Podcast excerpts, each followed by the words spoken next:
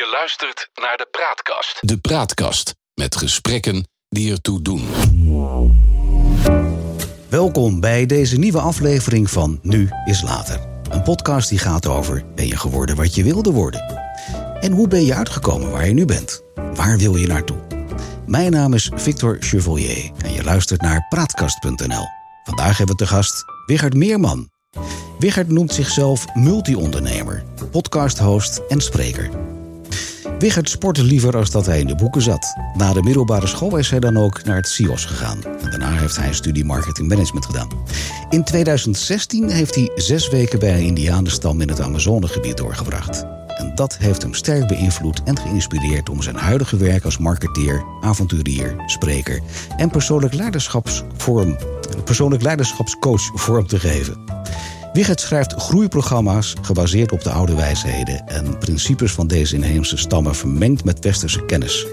Maar hij is vooral bij het publiek bekend als presentator van de zelfhulpshow op YouTube en de podcastserie Eindbazen. Hoe is Wigert uitgekomen waar hij nu is? Wie is de mens achter de functie? We kunnen het vandaag allemaal aan hem vragen. Sterker, we kunnen vandaag alles aan hem vragen, want hij is bij ons in de praatkast. Hartelijk welkom, Wigert. Dankjewel. Het is het mooiste intro, het mooiste intro wat ik eh, tot op heden heb gehad. Oh, dankjewel. dankjewel Goed voorbereid. Dus Ja. Zitten er dingen tussen die niet kloppen? Of eh, gelijk begrip?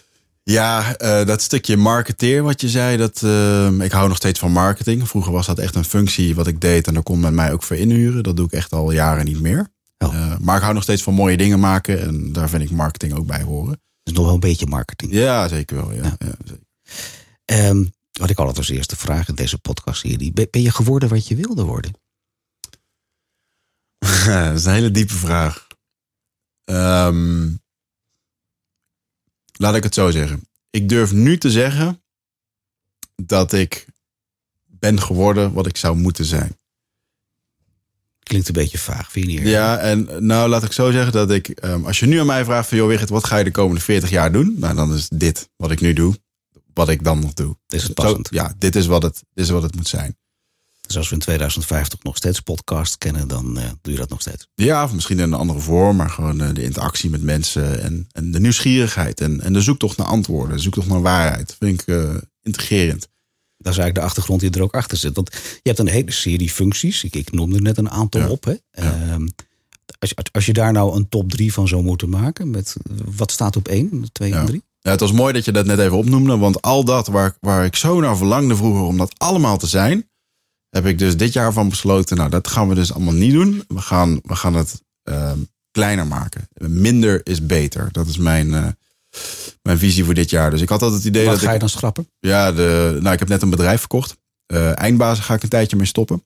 Omdat Ja. ik na zeven jaar ook daar eh, merkte dat, ja, dus, dus de speligheid was er, was er vanaf. Het was niet leuk meer. Dat is de kern. Ja, Ja, toch? ja, ja, heel simpel. Ja. Soms wil ik dat nog niet helemaal geloven. Of ik dat stom. Ja. Maar dat was wel de kern, ja. Je gaat stoppen met eindbazen. Dus, dus dit, dit wordt een unieke podcast die we nu aan het maken zijn. Want Nou ja, ik denk dat ik over een half jaar wel terugkom. Maar dan in afgeslankte vorm. Dat ik dan misschien gewoon één keer per maand een gesprek opmaak, eh, opneem. Ja. Omdat ik merkte dat er een... eh, er kwam een soort eh, verplichtingsgevoel naar boven. Naar onze luisteraars. Dat ik iedere week een aflevering moest maken. een beetje sleetsheid. Ja, en voor wie maak je het eigenlijk? Ja, voor mezelf. Het is leuk dat de luisteraars luisteren. En dat is wel een interessante vraag. Want vraag, dat Het is zeggen wel mensen. egocentrisch, eh, Wigert. Ja, dat klopt. Maar je moet vooral doen wat je zelf leuk vindt. Mensen vragen wel eens mij, als er nu niemand naar eindbazen zou luisteren, zou je het dan nog steeds doen? En dan zeg ik altijd, ja, zo zijn we begonnen. Ja. En gewoon maken wat je leuk vindt. En, en dan haken er vanzelf mensen aan die dat, eh, ja, die dat eh, leuk vinden om naar te kijken. Luister en kijk. Ja, want je, je bent zowel op YouTube als dat je op eh, Spotify, eh, iTunes, dat soort dingen bent. Ja, ja. Eindbazen stopt. Waar stop je nog meer mee? Ehm, Je hebt iets verkocht, vertel je net. ja, ik heb net een supplementenbedrijf, dat hebben we verkocht. Was je, Ehm, vond je ook niet leuk meer? vond ik ook niet leuk meer. En, Waarom niet? Wat was er mis mee? Ehm, omdat het niet groeide op de manier zoals ik dat wilde. Ik wil alles heel erg groot en goed maken. Dat is ook een valkuil. En als je alles groot en goed probeert te maken, dan, ja, dan lukt eigenlijk niks. Ja. Ehm, ik wil graag internationaal gaan spreken. En ehm, het internationale pad opgaan over persoonlijke groei. eh, mijn avonturen bij, eh bij Indianenstammen. En die, eh, ja, de boodschap die ik daar heb, dat is echt wel mijn missie om dat te spreiden met de wereld. En dat mag internationaal gaan. Oké. En als ik dus Nederlandse podcasts ga maken, dan gaat dat daar niet aan bijdragen. Nee, dat is het nadeel van de Nederlandse taal. Een beperkt taalgebied eigenlijk. Ik, ik kom straks even terug op jouw internationalisering. Want dat was ook een van mijn vragen aan het eind van het verhaal. Wat ga je straks doen? Mm. Dat lijkt me een hele logische. Ehm, maar even terug naar vroeger. Eh, de- de- de- hoe was jij op school? Ik denk, ehm, ze noemden mij wel eens een levende actiefilm. Meester Pieter heeft mij zo genoemd. die, eh, die zei, ja, op schoolplein zit hij alleen maar aan het stoeien en aan het, eh, aan het vechten op een leuke manier. En als iemand niet met mij wilde stoeien, dan ging ik gewoon met hem stoeien. En dan Ja. moest hij daar maar meekomen. Maar verder was ik ook een hele lieve jongen. Ik zat gewoon eh, het liefst thuis computerspelletjes te spelen. En ehm, leefde in een thuissituatie waar het, waar het heftig kon zijn. Ik had een, ja, een thuissituatie waar regelmatig hu- huiselijk, fysiek, emotioneel geweld was. Omdat ik een broer had die een eh, psychische uitdaging had. Dat bleek, ja, na twaalf jaar daarin gewoond te hebben, bleek dat schizofrenie te zijn. Ja, dat is heftig. Dat is heftig, ja. En eh, daardoor heb ik denk ik ook wel iets Dat vormt gecreëerd. je ook, denk ik.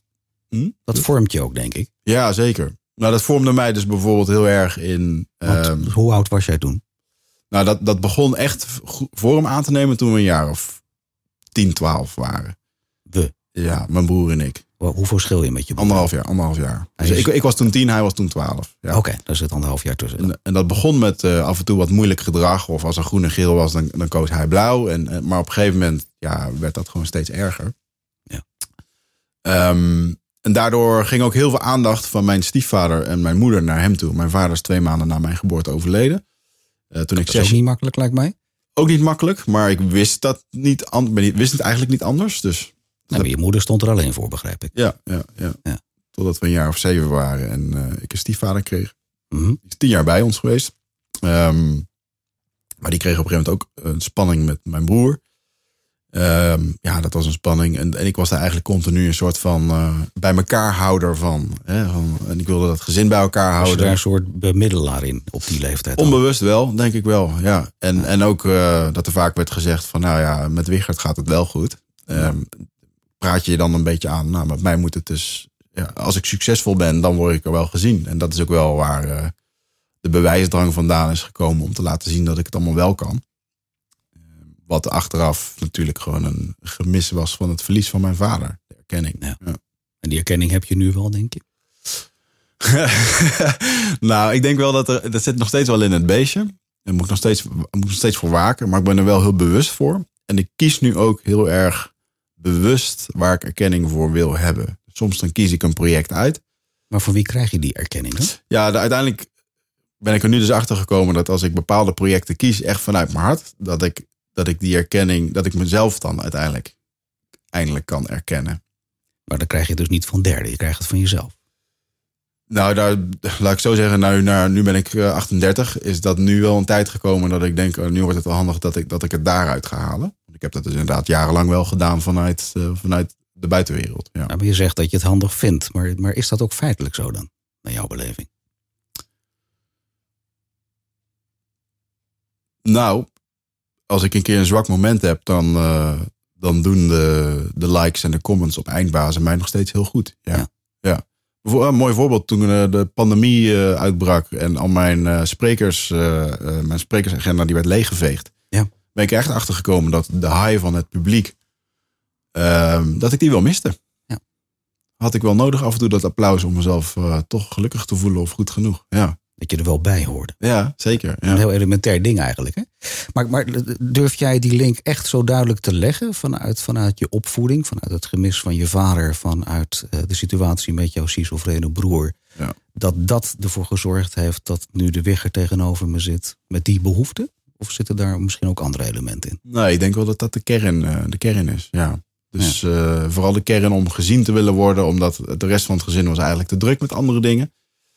En ehm, ja, ik, ik kreeg op een gegeven moment een vechtsportleraar die mij dan eh, het schouderklopje gaf na een wedstrijd. En dan dacht ik, wauw, wauw, dit heb ik eigenlijk nooit gehad. En dat, kwam, dat was in één keer het vaderfiguur wat daar op mijn zestiende ja, Bij kwam. Ja. Ja.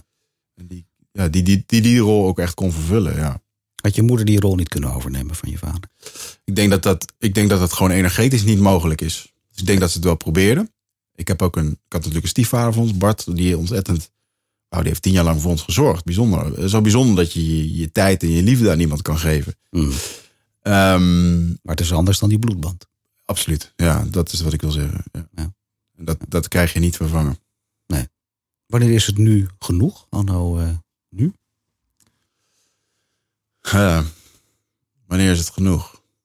Daar heb ik nog geen antwoord op. Ehm, ik stel nog steeds heel veel doelen. Ik heb nog steeds heel veel ambities.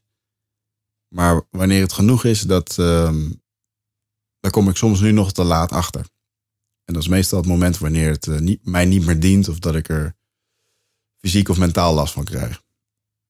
Ja, een voorbeeld van. Nou, bijvoorbeeld, eh, ik heb heel lang een dat supplementenbedrijf, wat ik jarenlang heb gedaan. Dat, dat, dat liep in het begin heel hard, omdat er heel veel eh, ehm, aandacht in, in ging. Op een gegeven moment begon ik en met spreken en mijn compagnon ging andere dingen doen. En wel dat, dat als een soort van zijtak opgezet. Ehm, en ik wil alles heel succesvol maken. Maar dat zei ik dan wel. Maar vervolgens ehm, handelde ik daar niet naar. Want als ik dat bedrijf succesvol had willen maken, dan had ik daar wel 80 uur per week ingestoken.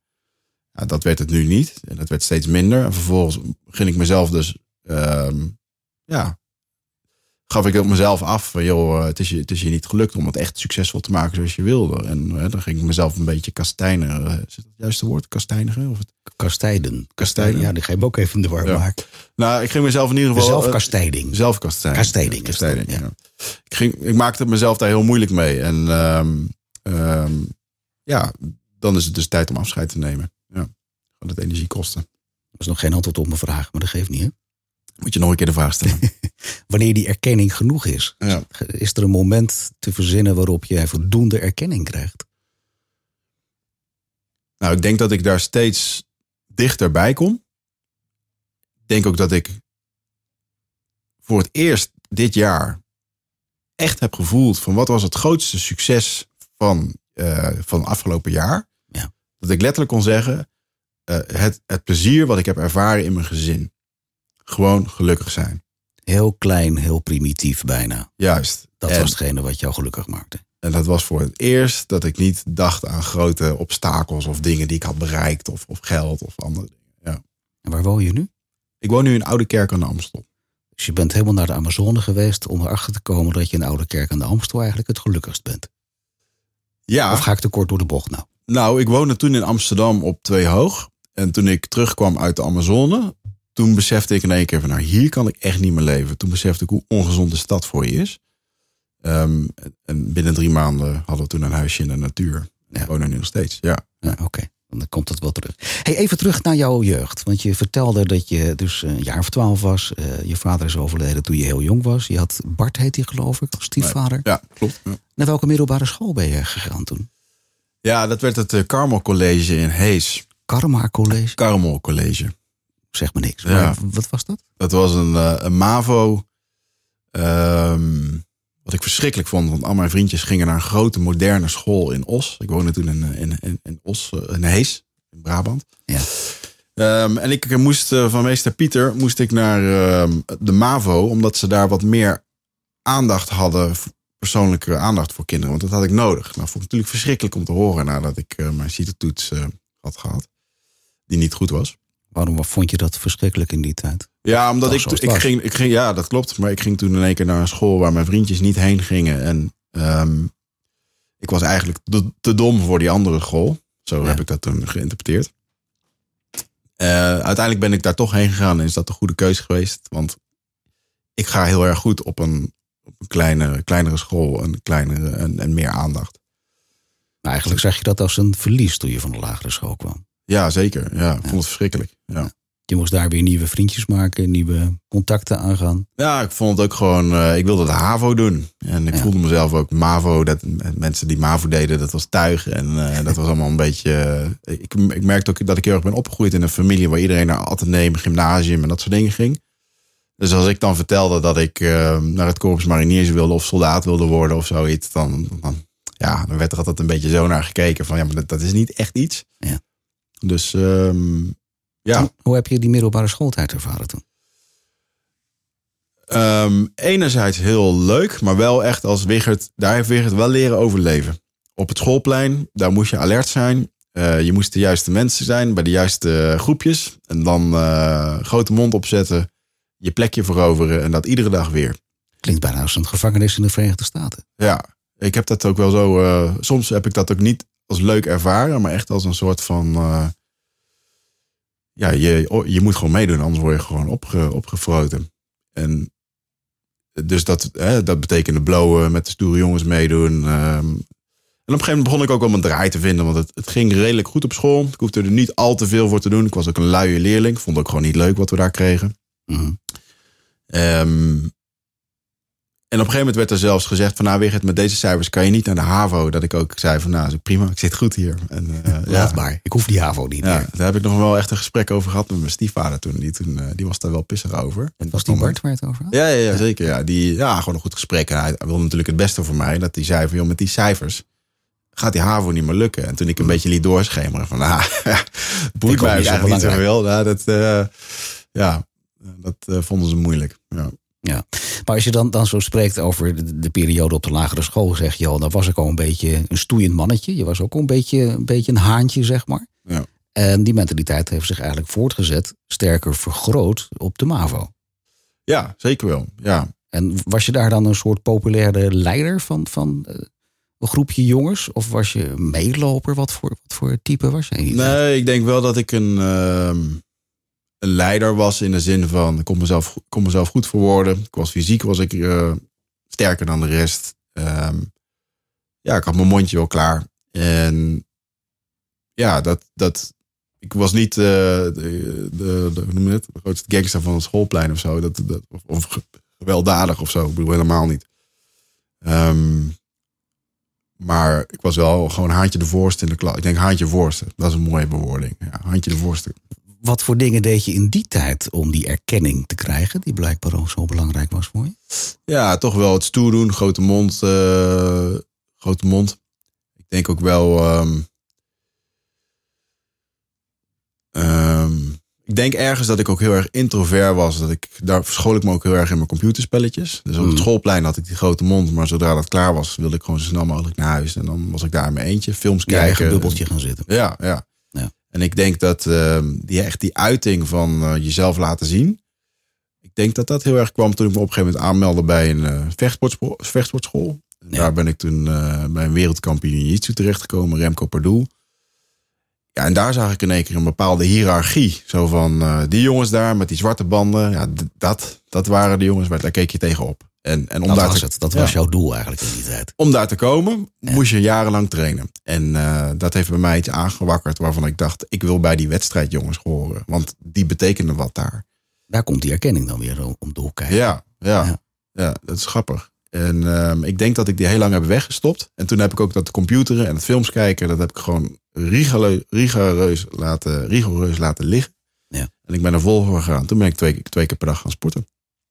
Jiu-jitsu. Ja, jiu-jitsu, judo, kickboksen en alles werd daar gedaan. Alle vormen van vechtsporten vond je interessant. Ja, ja. Maar heeft het dan ook te maken dat je binnen die, die, die vechtsportwereld ook een soort hiërarchie kent? Dat je je daar erg prettig bij voelde? Duidelijke regels? Oh, wat ik heel erg, nou vooral eh, de authenticiteit. Want wat ik, ehm, en dat vind ik altijd grappig om dit te benoemen. Als je in een voetbalteam kijkt in de kleedkamer, dan heeft Ja. iedereen daar, of dan hebben ze vaak de grote mond en eh, iedereen loopt elkaar, eh, heeft er wat tegen elkaar te zeggen. Als je kijkt bij zo'n vechtsportteam, dan is daar een hele natuurlijke hiërarchie van wie er letterlijk de sterkste is. Want daar word je iedere dag mee geconfronteerd. Ja. En dat dwingt een, een bepaald respect af. En daar hangt een hele andere, als je dus fysiek eh, met elkaar loopt te zweten en te bloeden soms, dan, eh, dan hangt er een hele andere vorm van respect en, en hiërarchie bij elkaar. En eh, ja, dat, dat vond ik altijd een hele fijne vibe om in te gedijen. Ja, en Daar voelde jij je prettig bij? ja, gewoon je plek kennen. Ja. Ja, ja. Dat komt ook een beetje primitief over eigenlijk. Ja, is, ja dat zeker. Maar Ja. vechten is ook heel primitief natuurlijk. En ik denk dat, eh, ik denk dat heel veel mensen in een illusie leven waar, zij, waar ze dan staan met hun denken en hun grootspraak en arrogantie. En wat ik ook heb gekend hoor. En daar werd ik ook letterlijk met mijn neus de mat in geduwd. En dan kom je erachter dat het zo niet werkt. Op een andere manier. Ja. Ja, kwam je ook alweer bij terug. Ja. Ehm, we zijn bijna aan het einde gekomen van, van, de, van het eerste gedeelte met, eh, met, eh, met Wigert. Eh, dit is nu eens later van de praatkast. Ik hoor zo meteen in deel 2, kleine cliffhanger. Ehm, Wilde je professioneel sporter worden? Dat is een tijdje een ambitie geweest. Oh. In deel 2 gaan we verder met het gedeelte. Dankjewel.